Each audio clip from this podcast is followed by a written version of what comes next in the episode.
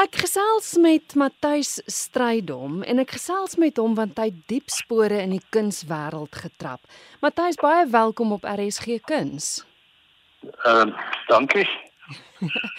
Matthys, ek wil gesels oor jou betrokkenheid by die kunswêreld. Jy het nogal 'n lang paadjie geloop voor jy uitgekom het by die galery wat jy begin het. Jy was eers 'n mediese dokter, is ek reg? Ja. Ja, ek ek was in algemene praktyk en uh dis al wat ek wou doen in medisyne en uh, ek het dit baie geniet, maar die lewe as 'n algemene praktisyn laat nie enige ander belangstelling. Jy weet dit is 'n baie jaloerse beroep en ehm um, omstandighede het op op 'n stadium uh, geleentheid geskep wat dit uh, nodig gemaak het om die familie besigheid by my pa oor te neem om sentimentele redes mm -hmm. en uh, en dit het my die uit die medisyne weggeneem. Want dit was 'n meubelbesigheid. Ja, ja, dit uh, my pa het as 'n jong man uh het hy 'n klein fabriek op Oudtshoorn begin waar ek ook gebore is, maar hy het toe uh, ook 'n tak in George opgemaak. En ehm um, en ek het ek het uiteindelik uh, die besigheid uh oorgeneem by hom en sy vernoot en uh omdat ek dit om sentimentele redes uh, uh gedoen het en nie regtig graag 'n meubel besigheid wil bedryf nie het ek en Jeline my vrou uh, be, uh uh besluit om dit te omskep in iets wat wat ons meer in geïnteresseerd was en dit het gelei uiteindelik tot die tot die kunsbesigheid ons het uh gevind dat ons vriende hier in George baie geïnteresseerd was in die paar goedjies wat ons daai tyd reeds aangeskaf het, uh, Suid-Afrikaanse kuns. En uh, en ons het uh, besluit om 'n uitstalling te hou om vir die plaaslike mense 'n idee te gee van die Suid-Afrikaanse kunsgeskiedenis goed uitgestal het ons eie versameling en ook goed dat ons geleen het by ander vriende om 'n soort van verteenwoordigende uh, uitstalling te kry. Ek het ook by die uh, enkele kunstenaars wat ek op daai stadium reeds geken het, uh werke gekry uh, om te probeer verkoop mm -hmm. terselfdertyd. En uh alhoewel dit bedoel, bedoel was as 'n eenmalige uitstalling het ons ehm um, na die as gevolg van die reaksie op die eerste uitstalling het ons besluit om met herhaal jaarliks en na omtrent 20 jaar van die jaarlikse uitstallings in die uh, winkel wat ook uh, gehelp het natuurlik om die meubels te bemark mm -hmm. Het ek uh, gevoel dat die kunsbesigheid op sy eie bene kan staan en uh, van die meubelbesigheid ontslaag geraak en ehm um, en die stryd om galery voltyds aan die aan die gang gehou. Ja, baie bekende galery soos ek verstaan. Jy het hom 31 jaar lank bedryf. Maar as jy nou sê het jy dan nog altyd die liefde vir kuns ook gehad? Was dit ook nog altyd 'n belangstelling?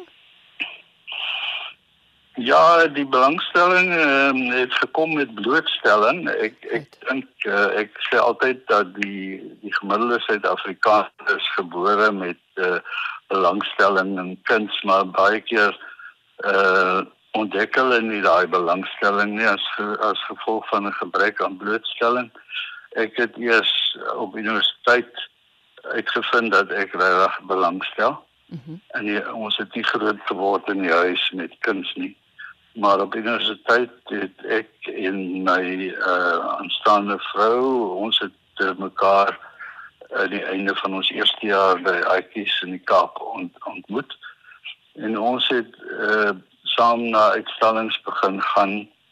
En ehm um, en dit is maar waar ek ontdek het dat ek werklik daarin in belang stel.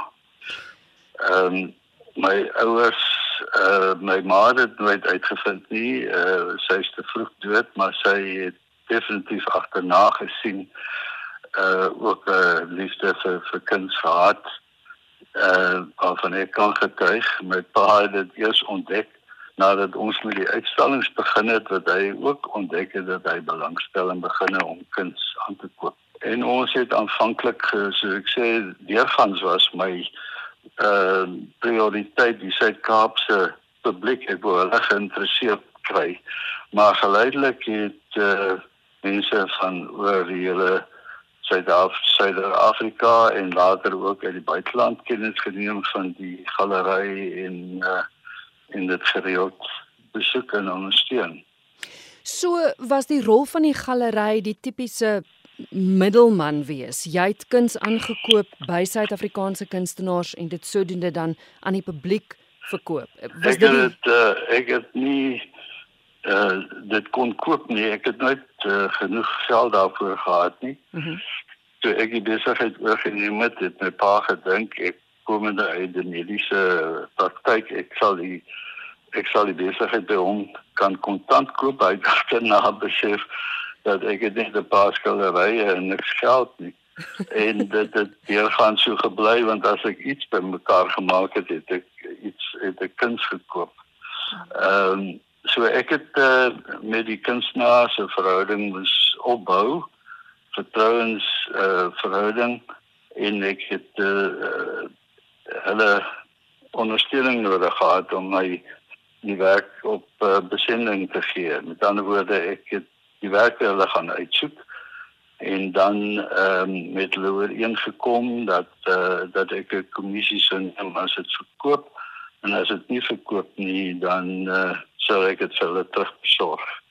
En dis hoe dit ja gaan uh, maar gewerk het. Hmm. Uh, met die tyd het, het uh, daar baie goeie verhouding ontstaan tussen ons en en die kunstenaars. Hulle het baie belang gestel in wat hier gebeur en hulle het ook dit gereeld bygewoon vir al die openingsaande.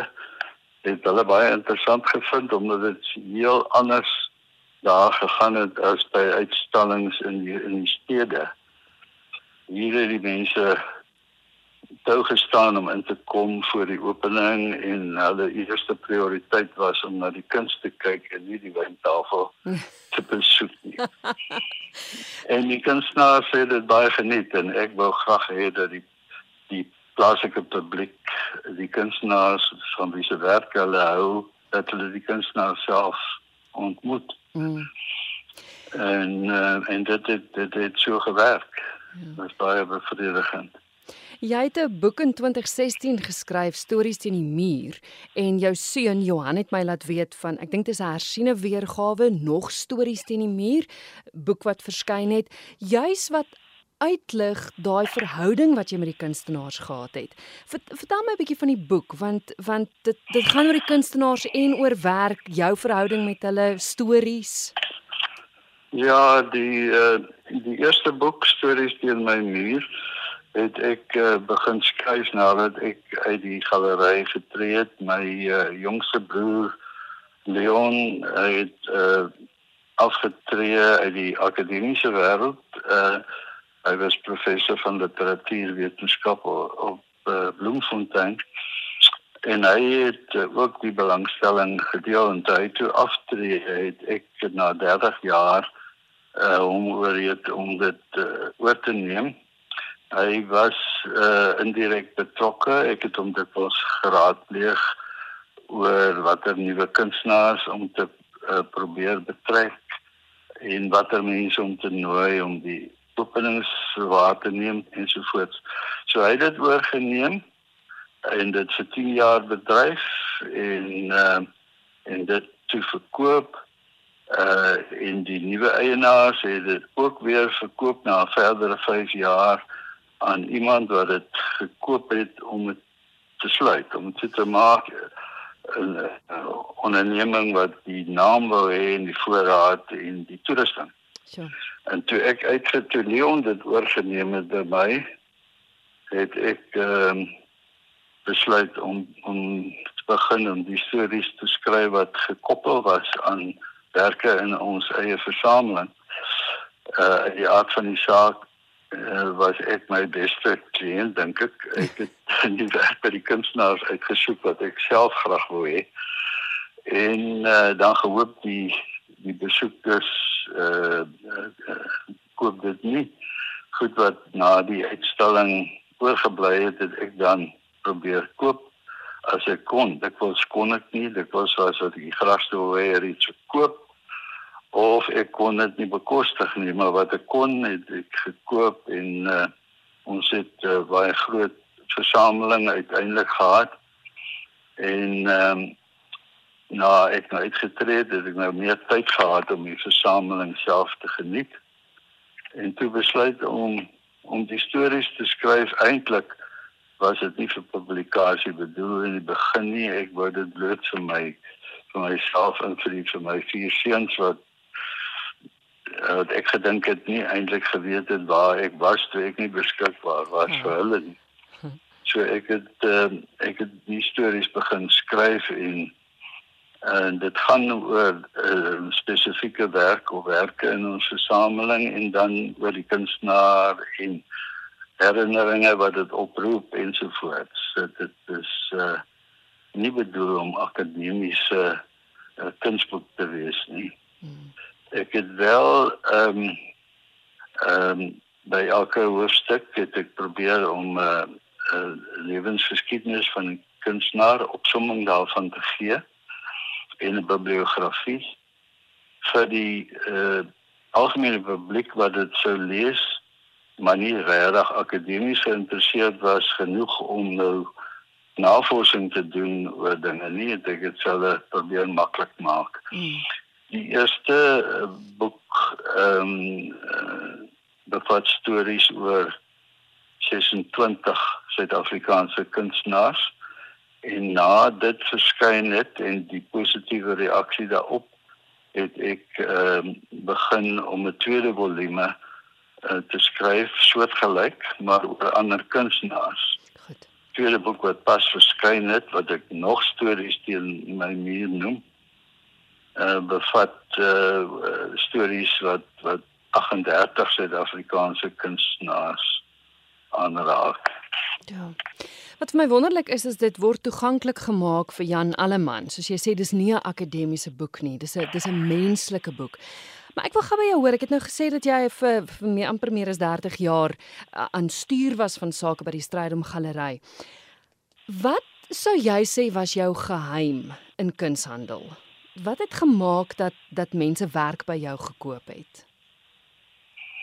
Ja, dit is moeilik om te sê daar's verskeie faktore. Ek dink eerstens uh het ek nie werk te koop aangebied so ver moontlik het ek nie werk te koop aangebied waarvan ek nie self hou nie. So jy weet daar was 'n uh, 'n liefde vir die werk self wat ek uh wou gehad het die ander mense moes koop en uh dit het 'n sekere rol gespeel.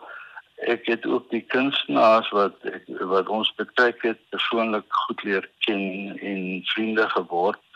En ehm uh, uh, vir my was dit belangrik uh, uh, ek het outomaties gehou van 'n kunswerk wat ek aangevoel het dit kom uit die binnegoed uit van die kunstenaar 'n deel van die kunstenaar en nie gedoen net vir die mark nie. Ja uh die uh, heel belangrikste uh, faktor dink ek egter was die manier wat wat die goed uitgestal was.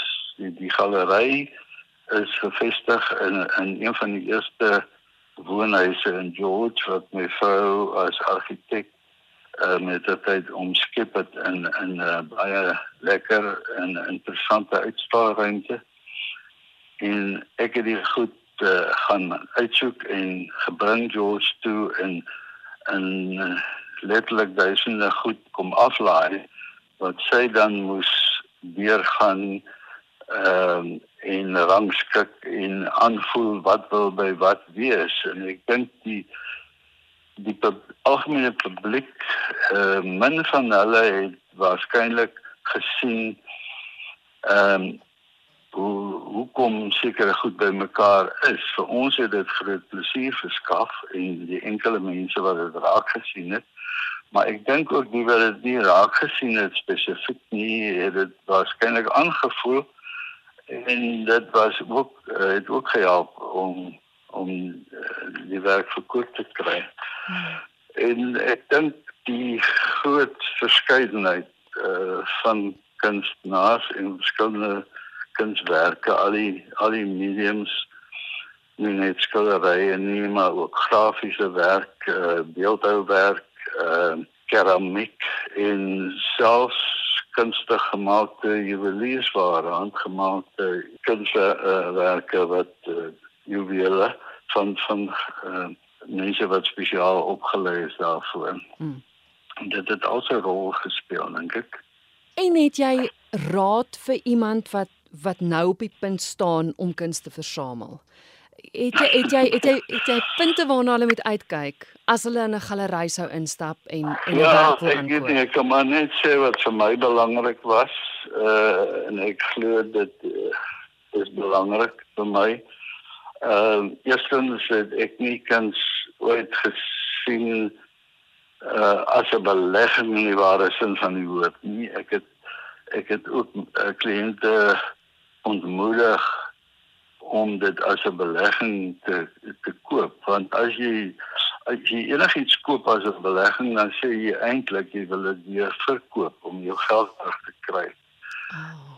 So ehm um, en ek dink uh, daar so baie insandelaars wat hamer op die die beleggings aspek van van kuns en dit sommige van die goed wat ons het was werklik goeie beleggings maar dit is nie vir daai rede aangekoop nie ons het werk van heel onbekende mense uh, betrek selfs studente wat ons gedink het uh, die nodige liefde en talent het en baie het, uh, het die mas opgekom uh, om 'n lewe uit te maak ander het nie. So uh, dis een een ding en die ander ding is dat uh, mens moet eerlik wees met die met die kunstenaars en jy moet eerlik wees met die met die publiek. Nie enige iemand probeer om die bos lei nie.